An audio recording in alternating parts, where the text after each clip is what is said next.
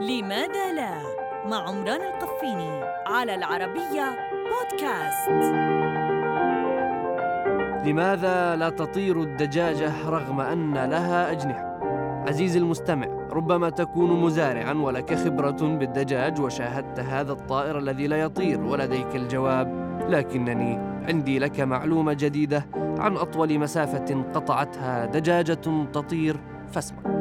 الحقيقة أن هناك طيورا لا تطير غير الدجاج كالنعام والإيمو وهو طائر يركض والكيوي والروحاء وهو من النعاميات والشبنم الذي هو ثاني أكبر طائر في العالم بعد النعام وببغاء الكيا النيوزيلندية والبطريق لعلك ما زلت تسأل لماذا لا تطير الدجاجة؟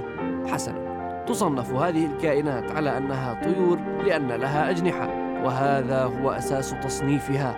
أما أنها لا تطير فإنه لا بد لجناحها أن يتناسب مع حجمها كي تحلق حيث إن حجم الدجاجة كبير بالقياس إلى جناحيها. على أن لبعض الطيور ما يشبه الشعره أكثر مما هو ريش يسمح بالطيران. أما أطول فترة تحليق لدجاجة فسجلت عام 2014 وهي 13 ثانية.